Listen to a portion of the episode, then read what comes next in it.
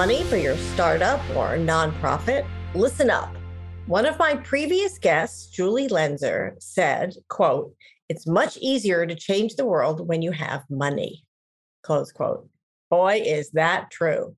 Those of us who believe in leveraging money to make the world a better place, persuading investors that our magical elixir is worth their investment is, well, tricky business.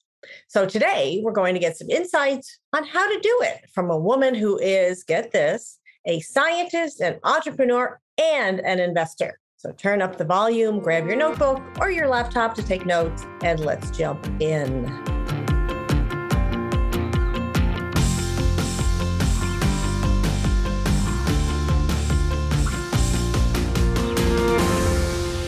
Welcome to Electric Ladies podcast, formerly known as Green Connections Radio. We bring you insights and tips from remarkably innovative women about corporate responsibility, energy, and sustainability related issues. I'm your host, Joan Michelson. We talk about innovation, leadership, technologies, and careers, always bringing a new perspective. Find us anywhere you like to listen to podcasts on our website, electricladiespodcast.com, and through my Forbes blog as well and please pass it on to your friends. So, if you're a woman trying to raise money for your startup or thinking about doing so, you are in the right place today. We're going to find out how we can defy the odds. Harvard Business Review reports that in 2020, women led startups got a whopping, brace yourself, 2.3% of venture funding. Let me say that again in a different way men got 97% of venture capital for their startups. You know, everybody talks about diversity and wanting to support women, and where's the money? If you think that was an anomaly caused by the pandemic, no. The big high, brace yourself, was 2.8% of VC funding in 2019. I mean, really, people. So, what can we women, especially in energy, climate, sustainability, and purpose focused businesses, do to raise money Let's find out. I'd like you to meet Ginger Rothrock, Senior Director of HG Ventures, who is the unique combination of scientist, entrepreneur, and investor. HG Ventures invests in early to growth stage companies, which we'll find out what that means, that are in the circular economy space, including water, energy, specialty chemicals, sounds dangerous, transportation, and infrastructure. Before HG Ventures, she was vice president of technology and commercialization at RTI, a billion dollar nonprofit research institute. And before that, she had her own business. So she has been there. Oh, uh, and she has a PhD in chemistry from UNC Chapel Hill. Congratulations on your basketball win. Anyway, so welcome to Electric Ladies, Ginger, and thank you for joining us. Thanks for having me, Jim. You're welcome. You're welcome. So let's start where I left off in my introduction. Tell us about your experience talking as an investor, talking to women entrepreneurs who are trying to raise money. Sure. So thanks again. So I love talking to women entrepreneurs. I think they don't see a lot of women on the other side of the table either. And so often when a when a woman approaches our group i will take the time to talk with her first and have our first conversations. I love doing that anyways. As you said i was a i'm a former entrepreneur obviously woman scientist. And so i feel a special empathy for uh, women in our industry. So i try my best to make folks feel comfortable women or men or whatnot. I think the power dynamic between venture and entrepreneurship is real. And everything that we can do, particularly with women who may have a little less experience or less coaching available to them to help that transition is really important. So I like to have early conversations with women, make sure they understand what's expected, be very clear about what the process looks like for investment with us and possibly with others. And, you know, sometimes we go straight into the business and, and get there. And sometimes it's like this morning, talking to a woman in the water industry, it's, hey, I have this investor that's tough. Would it even be possible for me to move them off the cap table? How does that work? You know, sometimes it ends up going in directions that are unexpected. And that's honestly, that's okay. That's just part of the world that we live in as a venture investor. It's a people business. You never know which way it's going to go. So for me, working particularly with women founders and women entrepreneurs, I like to take the time to make sure they understand the whole picture, and what we're looking for as a venture investor. And I'll also often offer to talk to them another time if they're going to pitch our group. Our first conversations, like many venture investors, are hey, could you be a fit for us? Right. And if you are a fit for us, then you go and pitch our entire investment team. It's different fund to fund. But for us, it's hey, let's pitch our whole investment team. So often there's a, a follow meeting said, hey, let's go through your deck. Here's what we expect. And let's see if it's there and how you could tell your story a little bit better. Because often it's the truth that women don't get the level investment. And sometimes it's because they don't have the mentors and whatnot that others may have available to them. That's really good. By the way, I love the fact that that person came to you for advice to ask how to get somebody off their cap table. Because so many times, something like that, we go, Well, I don't want to talk to the VC because they might think it, you know, I mean, people, we run all these tapes in our heads, right? So I think I applaud that person for asking you for help with that. So are you saying that the deck that they brought that you did invest in them or you didn't invest in them because you didn't have the information you needed nobody has ESP, right? So, you know, I'm in entrepreneurial groups and we have training and but every VC wants to have their executive summary and their deck look a different way. And they all say, "Oh, this is how it's always done." And it's like, "Yeah, right. No." So, are you saying that they had things missing in their deck or you had other questions about their business that weren't I mean, were you coaching them on how to do a pitch or were you coaching them on their business? A little bit of both. I mean, entrepreneurs always come and they know more than I know. I'm not an expert in their business, right? But it's how are they conveying information and what the expectation of, of I try to do it generically, any investor first, right? Like uh, this morning, I reviewed a deck with a team and said, Hey, I don't see clarity around how you make money. It's not clear to me here. You might want to consider when you pitch to us, that's going to be really important to us. Intellectual property happens to be really important to us, which is different than other firms, right? And so generally, here's how I think the deck could be improved. But for us, like make sure you hit on A, B, and C, right? Like team, uh, su- supply chain, which is a big issue right now, as you well know. Things like sales cycles, because that's a huge deal in the industries that I invest in, right? All these industrial industries. So, you know, make sure these are usually the hot buttons where people get tripped up. Make sure you understand what we would expect from an answer like that. And you don't have to have all the answers, just have an understanding of the problem and how you're going to get to an answer there. Yeah, that doesn't mean you have to have an answer, right? No, I mean, nobody knows exactly how the supply chain mess is going to clear out. But you raised an interesting point in sales cycle because you're right. When you're dealing with infrastructure and transportation and chemicals and wastewater, blah, blah, blah, there's, I mean, it's a different sales cycle, it's a different pricing point. I mean, those things take a lot longer to sell. And you're usually selling to large companies that you have a whole lot of layers to get through. So, how do you counsel them on how to adapt to that sales, how to present their sales cycle so that you know you sort of check that off? Like, is it is it a matter that they understand their sales cycle, or is it their sales cycle is within a certain period of time? It's what are you looking for? So, First of all, I want to know if they actually understand their sales cycle, right? We're investing in automotive, like you said, water, large industries, microelectronics, back end industrial waste. So do they understand actually how long it takes? Because that's going to change their capital curve, what the real needs are of the business. And we invest in the sector. We know how long it takes for many of these industries to, to get to commercialization. And we're fine with that. We're actually set up, we're a corporate VC that is set up to do things a little bit different than a traditional VC, right? We don't have a fund life. There's a, there's a lot of things about how we are set up to be different than a traditional VC, which we can come back to. And a lot of it's because we invest in these unique hard tech industries. The things that I often share are founders are testing and finding a lot more capital efficient models for customers, trying to replace like these software returns. A lot of people talk about venture capital models built around digital software businesses that can scale faster, right? How do we even see this as a venture like return business, right? We're seeing, you know, hardware testing water, anything as a service, right? Think like leasing models rather than forcing a capex purchase.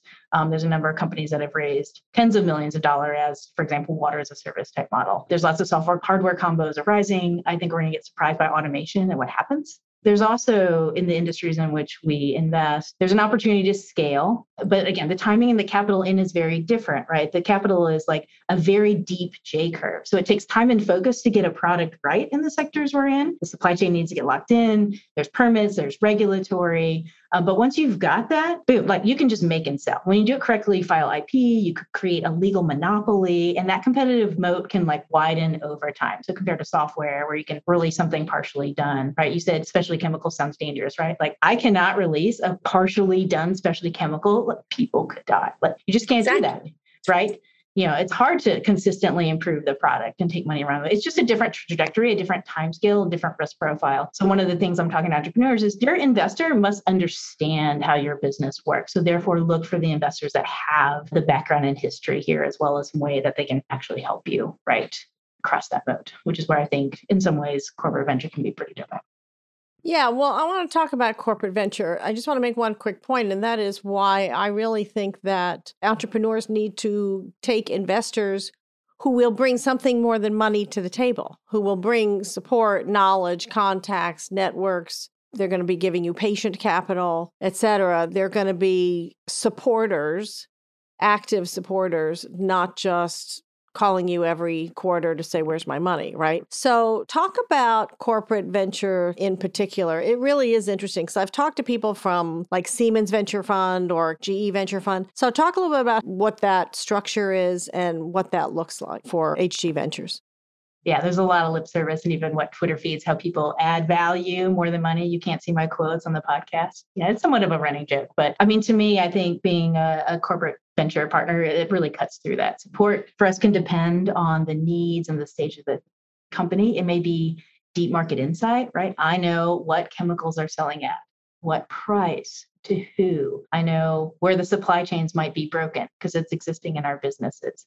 It could be sort of user experience, which also is a thing in the hard tech industries, and pilots, right? First pilots are are a big risk for startups. Is there a large corporation that is willing to take a bet on a startup having a pilot or initial sales with a corporation like ours, which is a part of many of our investments or our accelerator, can be a huge value inflection point. We get creative on talent. We can lend the expertise of our R&D group or whatnot to a startup that may not have the resources. So that's the kind of value add piece that we talk about. And then you you mentioned structure. Structure is pretty important here. We particularly set up like a hybrid firm. The goal is to keep all that strategic value a CVC can provide and eliminate like the junk, the historic complaints about long timelines of decision, requirements for business unit sign off, no sort of out of market terms in our investment documents. We are an independent LLC. We have independent decision making authority. We don't need business unit sign off. We do have an investment committee, three individuals. They move pretty fast. We're also a team of professionals. We're a pretty small team for our fund size.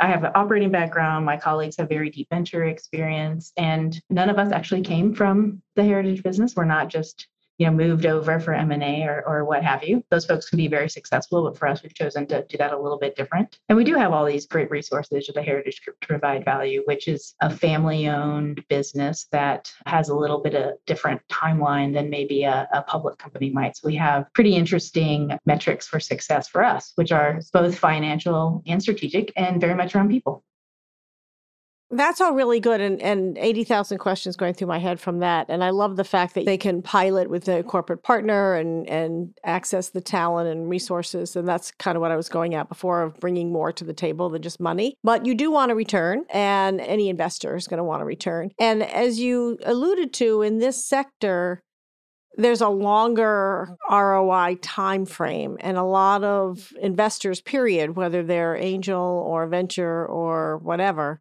tend to have in their heads what is the right amount of time to expect their money back. Now, I realize that some of that went out the window with things like the pandemic, right? Or war. But how would HG Ventures, how would Ginger suggest to particularly women investors who are already on the disadvantage in some of these situations talk to investors about a realistic time frame for getting their money back and for maybe raising money. And it's particularly true i think also for any mission focused business right? How do you suggest to talk about the time frame for these kinds of businesses without sounding defensive or unrealistic? Sure. Uh, for me it's always stick to the facts. It's what do your customers say? If you happen to be targeting a market that's has very long lead times are there small niche markets where you could get in quicker. And there almost always are, no matter what it may be. Batteries, we have a company in our portfolio that's that's focused on uh, monitoring of batteries. They're going after electric vehicles. That's a very very long sales cycle. So they're testing used batteries to start. Right. I can give you an example after example, but some folks are thinking about going into pharma industry, but instead they're doing things in the waste industry. We actually see a lot of things in the waste industry that eventually could go into bigger markets with longer timelines But because the need is so acute and near term, you see a lot of folks starting and even brainstorming with us around are there markets that you guys are aware of where we could get in kind of quick and test some solutions and maybe get some early revenue to validate some of those longer lead term items. We have an additive manufacturing company that's going into aerospace, right? Can they provide powders for some consumer goods to start to get that ball rolling and get some validation in the market? So I think in most cases, there is some niche market where and people need to get creative about either their business model or their focus areas their go to market strategy to try to show revenue up front because at the end of the day yeah we're looking for returns. We want to see that you have a path to you know some people say 10x some people say 100x some people say what have you whatever it is it needs to show real growth. And so sometimes that growth isn't just in one market. Often you're stacking markets on top of each other to pave the path and tell the story because it's all about storytelling. You know this better than me, right? How do you tell the story that, yes, the perfect solution is five years out? But there are these three or four things. And by the way, I've talked to the customer and I've got some early signals that these are also real markets. I mean, they may not be as big, but it allows us to to buy the time that we need to and reduce the risk, right? To get to those long-term huge markets. Well, I think that's also called seizing opportunities, right? I mean, the pandemic has created a need for certain things that others didn't. I mean, and frankly, because of the bottlenecks in the supply chain, if you're a small business that can provide X service faster and save a company from having to, you know, get botched up by the supply chain, you've got an opportunity, right? You might as well seize it. And there's so many companies that ended up there. I mean, PayPal started as just the payment option for a company that was doing something completely different that we don't even remember anymore. right? so you never you never know so i'm just curious esg is a big thing right environment social governance and now of course we have the sec putting out proposed climate disclosure rules which everybody went my god they're really doing it. So talk about how that may have made a difference on either the fundraising side or the businesses that HG Ventures invests in. Sure and uh, yes, there have been some pretty, we'll call it rich conversations on this topic in the past few weeks. Generally, I think it's exciting because it's a step towards consistency and accountability, right? Manage what you can measure, access to the right data. I think, you know, I'm not a public sector person, I'm a, I'm a private sector. So, my perspective as an investor in this community, I think these rules are, you know, impressively extensive, detailed, uh, based on the number of lawyers I've seen commenting, unlikely to remain in their current form. But I think there's a huge benefit for lots of private climate tech companies have been building, testing, measuring, monitoring for public and private clients. And thus far, it's happened in an environment of pretty significant uncertainty. There's no one source of truth. And now they'll be ahead of the curve because they have relations and infrastructure in place. It may not be exactly the right metrics. We'll see where it all ends up, but they have those things in place, right? These gaps in public companies' skills and technologies. But on the indirect side, right? We're seeing increasing interest from us and others in those that address that environmental impact side, right? Obvious decarbonization routes upstream in the supply chain, and then more and more opportunity in what I'd call the back of the facility, right? Reduction, reuse of waste, where we tend to come in, waste materials, waste water, this whole quantitation of climate related targets, goals, strategy, right? It's really interesting. But that's a lot of sunshine and roses, and there's always consequences, right? On the flip side, we're already talking to our portfolio companies about, hey, additional scrutiny for anybody going public. Or if you're acquired by a public company, right? If you don't think about all these exits, all of a sudden you're going to be in part of a public company and you need to be prepared for that, right? There may be some interesting incentive to keep companies private or even take people private. So that's just a flip in the in the overall ecosystem. And I hope this doesn't happen, but you may be seeing a more conservative approach to, to net zero and other sort of trumpeted ESG goals. You know, you can't have a marketing puff piece anymore as your sort of ESG strategy. You have to really dig in and, and quantify things. And no need to go into all this challenges with scope three and whatnot, but I think the accountability generally will lead to new processes, materials, technologies for sustainable business, which is great business. Well, I agree. And I think in some ways it creates an opportunity for both your clients and the planet because the more solutions, the more we're dealing with the problem, right? I love the acquisition comment. And then I think it's also an expectation that you have to have real data. I think there are some bona fide sources of facts that we can talk about you can't, as you say, you can't smoke and mirrors your way. I mean, my phrase, but you can't smoke and mirrors your way there anymore. And what I also thought was interesting is they proposed that if you state a goal for going to net zero, they're going to want you to demonstrate how you're going to get there, which is really, really interesting. So, tell us some stories about a business that you thought you would not invest in, but you did, preferably woman owned, and a business that you did not invest in and why, and what we can learn from that to improve our own pitches. Because you know a lot of the women a lot of the listeners to electric ladies podcast may also be corporate people who either want to work with these companies or they have a side hustle right? Plus we're all entrepreneurs too so well maybe i'll tell the story of our first woman owned business that we invested in 120 water um, this is a digital water solution they've got digital sampling kits they support wastewater compliance and monitoring programs and they're local to us which is really interesting. So so you can you can drop by. We can, which is good bet. Actually, the CEO lives in my neighborhood, which is like really kind of funny. Uh, we invest anywhere in the globe, but we happen to have a portfolio company literally in my neighborhood. I'm not on her board, thankfully, so probably good for both of us. See our PTA meetings and what have you. so yeah, so we're like, oh, this is in municipal. We don't know how we can help this company, right? This is it's an interesting water technology, but the Heritage Group this is one of our very first water investments, right? The Heritage Group is really big on the waste side, but how does how exactly can we help? How exactly can we connect? And Megan came in and she's the most dynamic storyteller ever. She actually has a marketing background. She's a ton of passion for the industry, the lead and copper rules. There's such a big ESG component to what they're doing at 120 Water, not only measuring and monitoring, we're talking about schools, daycares, health of children, which is a huge passion area for many of us. And so, you know, on the outset, just looking at the deck, it was beautiful deck. Great story. You could see a path to you know, interesting municipal contracts. But for us, we're like, oh, municipal takes a really long time to get anywhere. The team is not necessarily water experts, right? But she came in and the story was just so incredibly compelling. All the trends,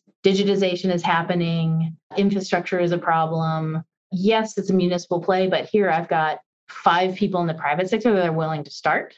Oh, and by the way, I've already done my homework and I know how you can help me and here's how you can help me. And so we worked with her to get some legislation through Indiana. Indiana is, as a state, is now one of their biggest clients. We've expanded that to other places in the Midwest. They're doing great. I think they're going to do like 15 million in revenue this year. It's a hardware software play.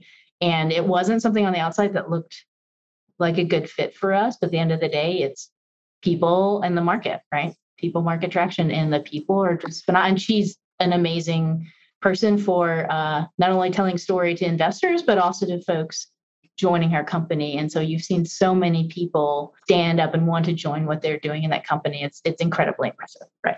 So so, well, before you go on, I just want to ping one thing, and this kind of goes to this. On the website, it says that HG Ventures likes, quote, early stage to growth everybody's definition of early stage is not created equal, right? So, what is early stage to HG Ventures?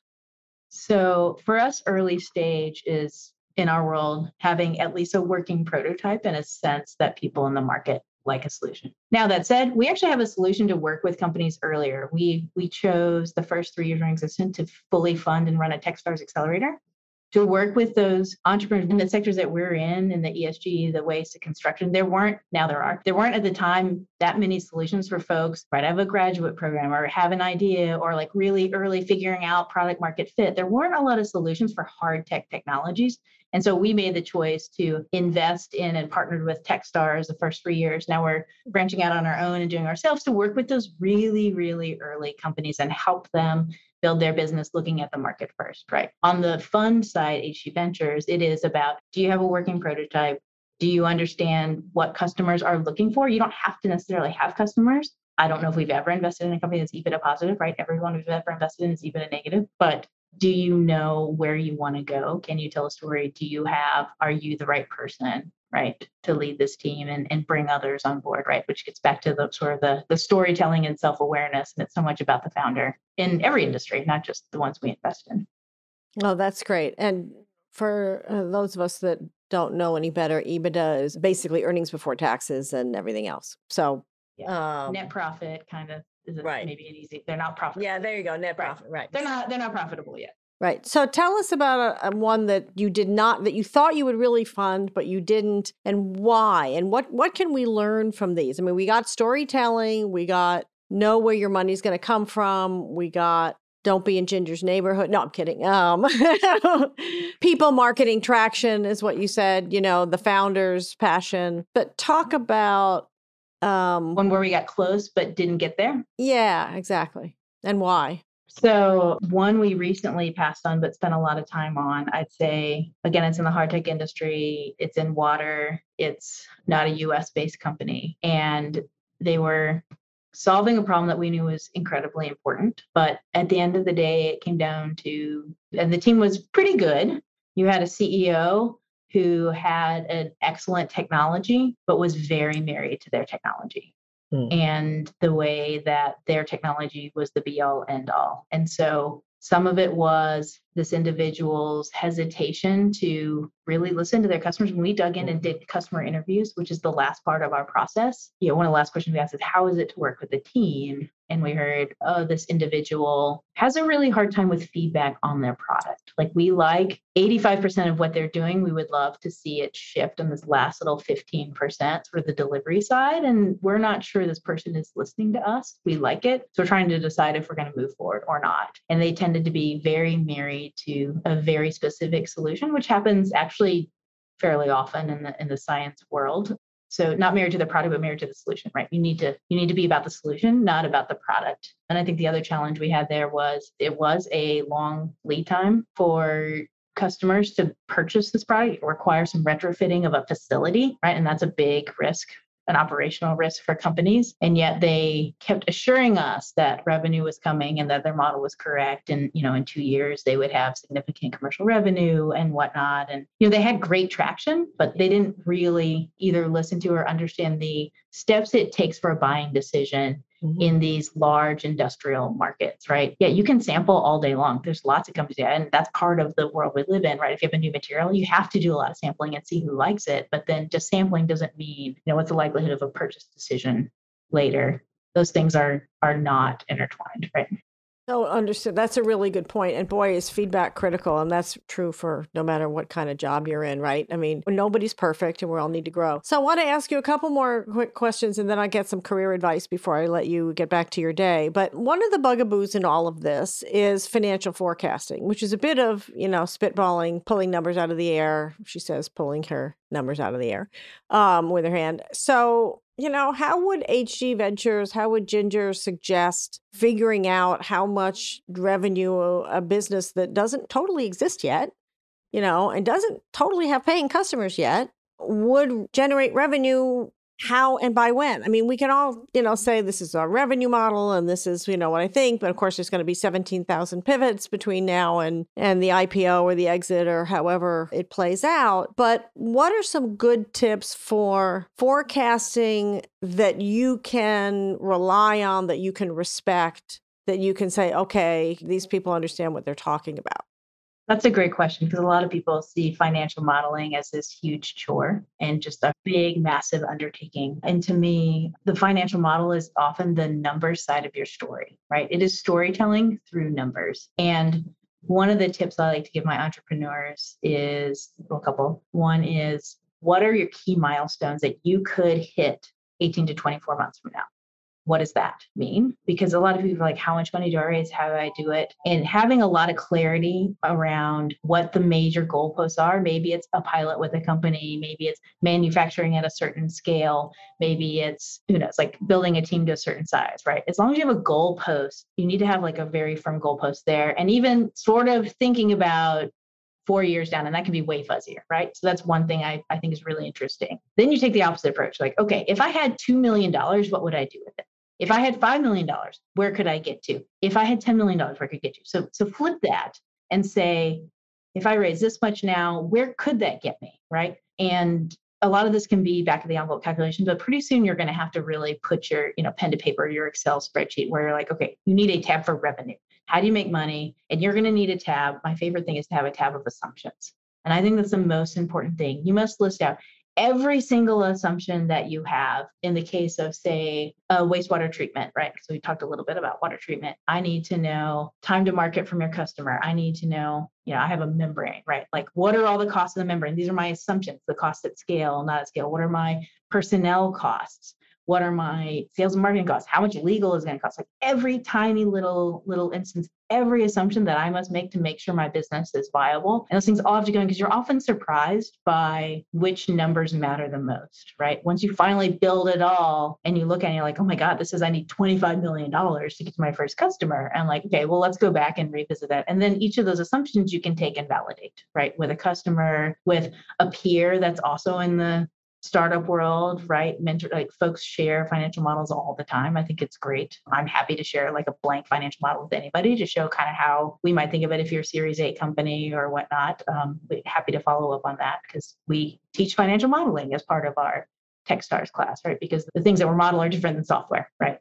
I'm not talking about you know how many facebook ads do i need to put out to have someone like click on it and eventually you know maybe two out of a hundred will will make a sale this is I have to build something and I need like, am I going to out like fundamentals? Am I going to outsource this? Am I going to use toll manufacturing? Am I going to build facilities in house? There's some fundamental things that these assumptions that you have to make in order to answer any of those questions. And I would say, like I said, to repeat, start with the, the sort of the bottoms up. What are your goals? Start with the, if I had X, Y, or Z amount of money, what could I do? So check those goals and then really focus on those assumptions.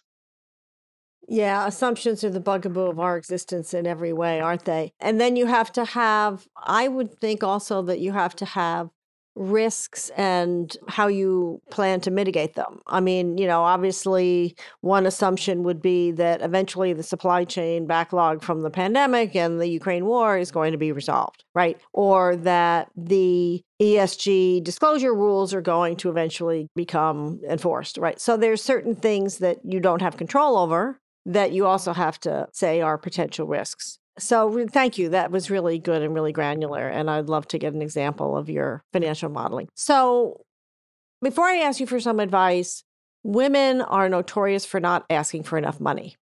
And I talk to women entrepreneurs all the time who say, well, you know, I need X to get it off the ground. My, you know, so and so says I should 3X that, but I'm kind of uncomfortable. And, you know, how much am I going to need through the launch and yada, yada. Women tend to not even negotiate enough for their own salaries, right? So when it comes to securing investors, though, we have to negotiate. So talk about negotiating with investors when you happen to be a female who happens to be raising money, especially for a company in this space, which is, say, green tech, probably more industrial or has complexities to it. Even if it's a software company, it can be complex. And maybe, you know, if you want to use an example from the HG Ventures portfolio, that's fine. But how can women get better at asking for more money from investors? And what's a maybe a rule of thumb for that?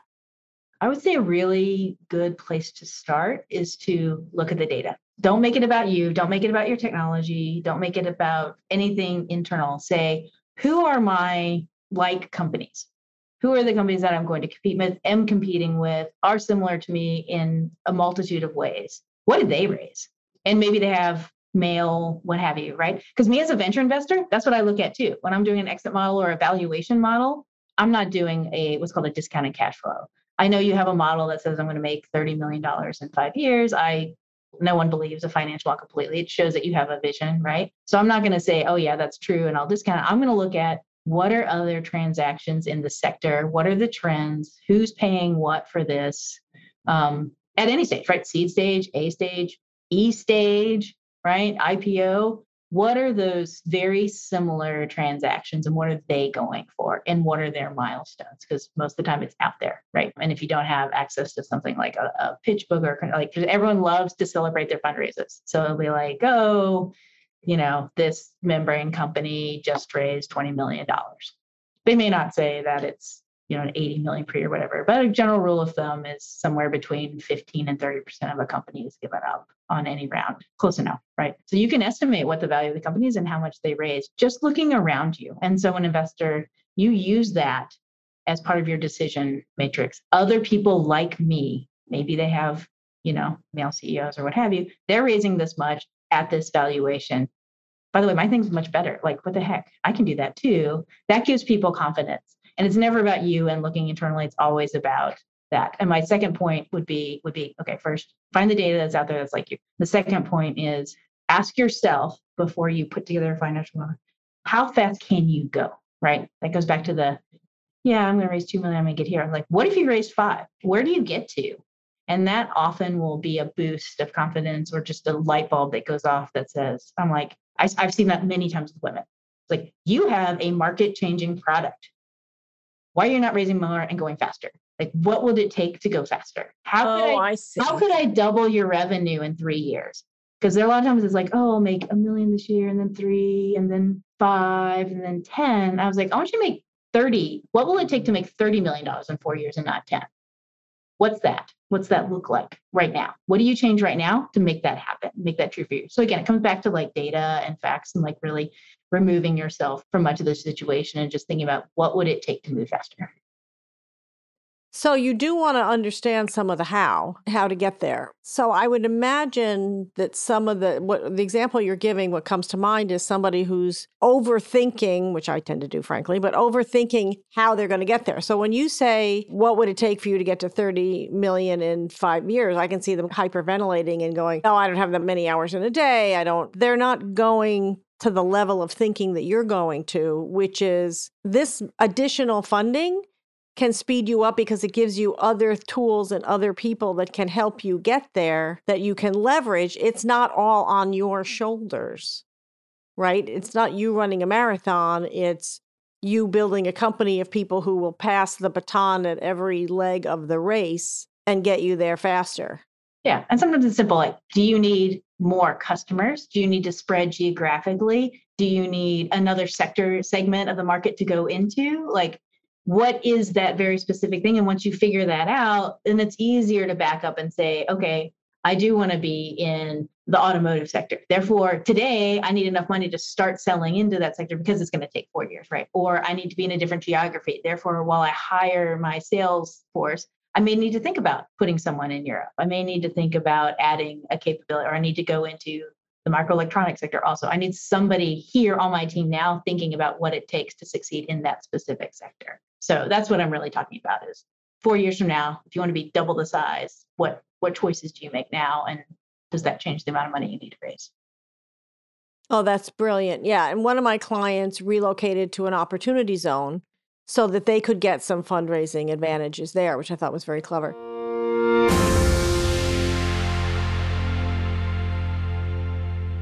So I could talk to you for 17 hours about this stuff. But before I let you go, I like to give career advice to everybody. And I want to focus, though, on mid career women. So, what advice would you give to a mid career woman who is ambitious, wants to make money, wants to either climb the proverbial corporate ladder or have her own business, but who wants to use her education and her experience to make a difference, right? There are a lot of routes you can take. So, what would you say to her?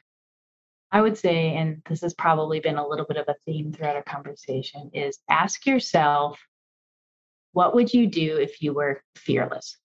What choices would you make? What actions would you take? Right? We're all like women are super successful in school. We outperform men. We get better grades. We learn that hard work leads to results and, and rule following. That's not the case as you enter reality. Reality is way more than rules. And we often make, when I see myself, personal and professional choices because of a perceived need or what am I supposed to do or self doubt or fear. Even someone like me that they're like, oh, you've been so successful. What if I could do anything I wanted? Right. And to me, it's step one is like looking back, right? Let's not compare ourselves to others around us. Compare ourselves to our former self five years ago, 10 years ago, right? Look how far you've come and then look forward, right? If I think about big, big changes that have propelled me in my career, it has always been about taking a step back and saying, what would I do if I could do anything? It's been walking away from a relationship I thought was forever. It's been walking away from my first startup. I spent too much time in something that I was like not particularly happy about. It was sitting as a more junior member of a large organization. I was the primary breadwinner for my family. I had a young child. I was trying not to express too much of my opinion because I was provocative and contradictory to the executive team. But in that moment, I was like, what the heck are you doing? Like, say it. just do it. And I did, and I freaked out. And I went to the bathroom. It was like this huge conference. And I was just like, you're wrong. Here's why. This is blah, blah, blah. And I was like, what did I just do? Right. And I came out and people were like, wow, that was really impactful. And it led to so many great things. Even making the choice to leave everything, leave North Carolina. I've been there 20 years, moved to Indiana, joined HG Ventures. I'm, I did not know anybody in Indiana. I was going to say you made that move. Yeah. It sounds like yeah, I didn't know. We didn't know. My, my husband like said, I'm with you. Like, let's, let's do it. We decided in the weekend, like, we're going to do this. I completely switched career. And I was like, I have this opportunity. I walk through that door or I don't, right? What choice do I make? So, you know, you look and you say, hey, I've failed a lot and I've survived. Failures make me stronger, like fully grit. Like, don't let doubt or perfection or fear, you know, those risks and harder assignments are really where it happens. Oh, I think that's brilliant. Yeah, and I I went through my Indianapolis experience and I don't mean being married to Hoosier, which I told you about before we came on, but I was living here in Washington DC and I was moved to Fargo, North Dakota to head up communications and co-head sales and marketing for the electric car division of Chrysler. I'm a born and bred New York City girl. If anybody had told me 20 years ago that I'd be living in Fargo, North Dakota, I would look at them like they had just swallowed LSD. And anybody who knows Fargo, knows the name, knows the weather. I didn't even know what the city looked like for four months because I moved there in January and everything was covered in snow until like May. So, talk about a risk. And I've been in the green economy ever since. It catapulted me into the green economy. So, you never know where it's going to take you. I love that. What would you do? Ask yourself, what would you do if you were fearless? Yes. Go, Ginger. Cool. Any final thoughts before I let you get back to your world? I just appreciate you shining a light on great women and happy to be a part of it. Aw, thank you, thank you. And thank you for funding us.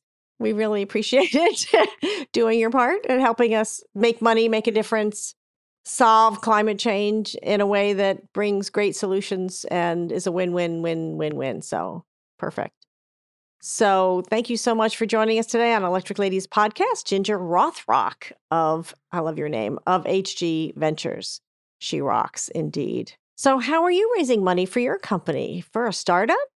How do you feel about it? What questions do you have for Ginger or me? Send them to us on Twitter at Joan Michelson, and maybe you'll win a free 30 minute coaching session. You never know. Subscribe to our mailing list to stay abreast of our amazing, talented guests like Ginger, our blogs and advice, and tell your friends about it electricladiespodcast.com. Thank you so much for joining us. I'm Joan Michelson. See you next time.